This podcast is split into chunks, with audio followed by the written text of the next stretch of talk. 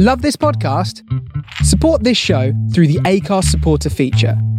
It's up to you how much you give, and there's no regular commitment.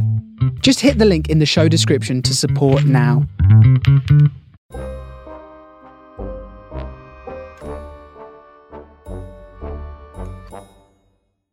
Hallo allemaal en welkom bij Reis door de Tijd. Vandaag gaan we het hebben over Bigfoot.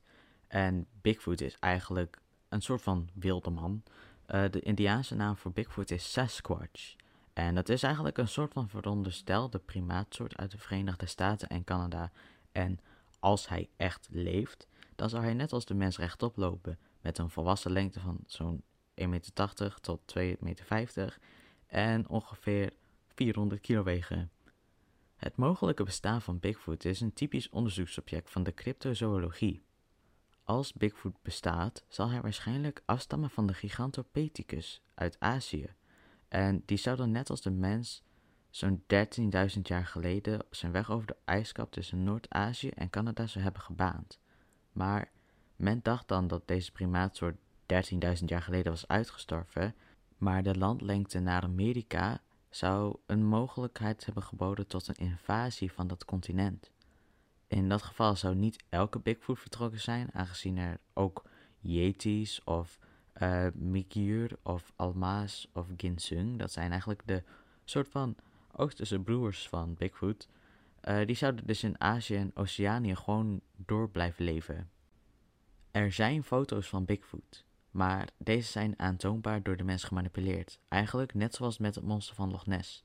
Het enige grote bewijs, en bewijs is dan echt tussen haakjes, zou een filmopname uit 1967 zijn. En die filmopname is gemaakt door Roger Patterson en Bob Gimlin, die een vrouwelijke Bigfoot tegenkwamen in een open gebied in een bos in Bluff Creek, Californië. De film Planet of the Apes was toen net in de bioscoop uitgebracht, dus mogelijk hebben zij dus als een grapje het te weten te filmen. Aanhangers van de theorie dat Bigfoot zou bestaan schermen met de methode waarbij een van de frames uit de film gekopieerd werd en dat dus werd vergeleken met een man in een apenpak. Zij stellen dat de proporties van de armen en de benen nooit door een mens gekopieerd zou kunnen worden, omdat zowel de armen als de benen zijn langer dan die van een mens. Het kan natuurlijk altijd in het pak zitten, maar het is dus een kans dat het wel echt waar is, maar dat is allemaal maar speculatie. De eerste schriftelijke vermeldingen van Sasquatch dateren uit de jaren 1920. John W. Burns was een onderwijzer en een ambtenaar in het Chehalis-reservaat vlak bij de stad Harrison, Hot Springs. En dat is in de regio Fraser Valley. En dat is in de Canadese provincie van Brits Columbia. Uh, hij verzamelde ooggetuigenverslagen van ontmoetingen en hij stelde de naam Sasquatch voor. Het was een verengelsing van het woord uit de vastelanddialecten van het Hal Comelem, een van de kust-Sahelisch-talen. De oorspronkelijke Sasquatches hadden weinig gemeen met de wezens van later in de 20e eeuw en het waren eigenlijk reuzen-indianen. Ze hanteerden vuur, ze spraken vlot en leefden in dorpen. Dat veranderde toen in 1957 de provinciale regering subsidie uitloofde voor projecten in het kader van viering van het 100-jarige bestaan van Brits Columbia. De Harrison Hot Springs vroeg 600 dollar voor het organiseren van een zoektocht naar de Sasquatch.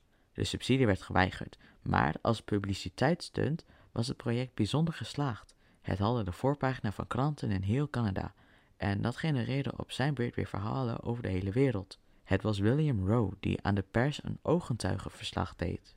En dat was van een ontmoeting in 1955, waaruit hij de hedendaagse vorm en het hedendaagse gedrag van Bigfoot zijn ontstaan, een soort van aapachtig wezen dat bladeren eet. Er is altijd een groepje mensen op de aardbol die echt heilig gelooft in complottheorieën. Soms lees je dan zo'n theorie en dan denk je: zou het echt waar zijn? Zou het nou echt waar zijn? Het grappige is, is dat wij eigenlijk een soort van vertekend beeld hebben van de Sasquatch. We zien een grote, maar zeker twee meter hoge en gevaarlijke mensa voor ons. De oorspronkelijke Bigfoots, zoals ik net dus zei, waren namelijk reuzen-indianen. En dit lijkt dus totaal niet op het beeld dat wij dus echt in gedachten hebben. Maar dit zal vastkomen door alle verschillende films en series die uitkwamen over Bigfoot. In 2011 kwam er geheel onverwachts een documentaire serie over het vinden van deze mensaap. Dit programma werd uitgezonden op Animal Planet. Maar helaas heeft het team na 10 seizoenen nog steeds geen foto of video footage kunnen vinden van het bestaan van de Bigfoot. Ook al hebben ze een Bigfoot nog niet gevonden, Finding Bigfoot draait nog steeds op tv en het heeft ook echt hoge kijkcijfers. Dus er is blijkbaar wel iets heel interessants aan Bigfoot.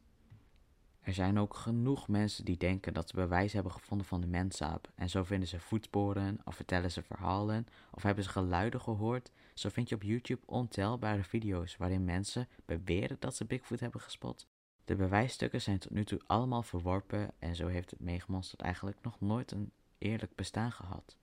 Eigenlijk vind ik dat best wel zielig voor zo'n beest, dat er eigenlijk niet wordt geaccepteerd.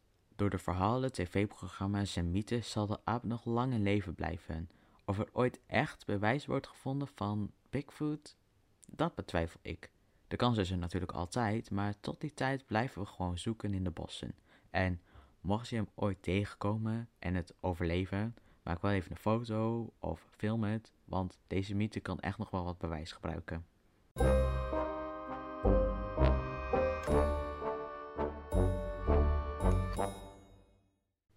Dankjewel voor het luisteren. Als je deze aflevering leuk vond, laat het mij gerust weten. En een review achterlaten kan natuurlijk altijd. Op Instagram kun je mij volgen als @reis door de tijd. En tot volgende week.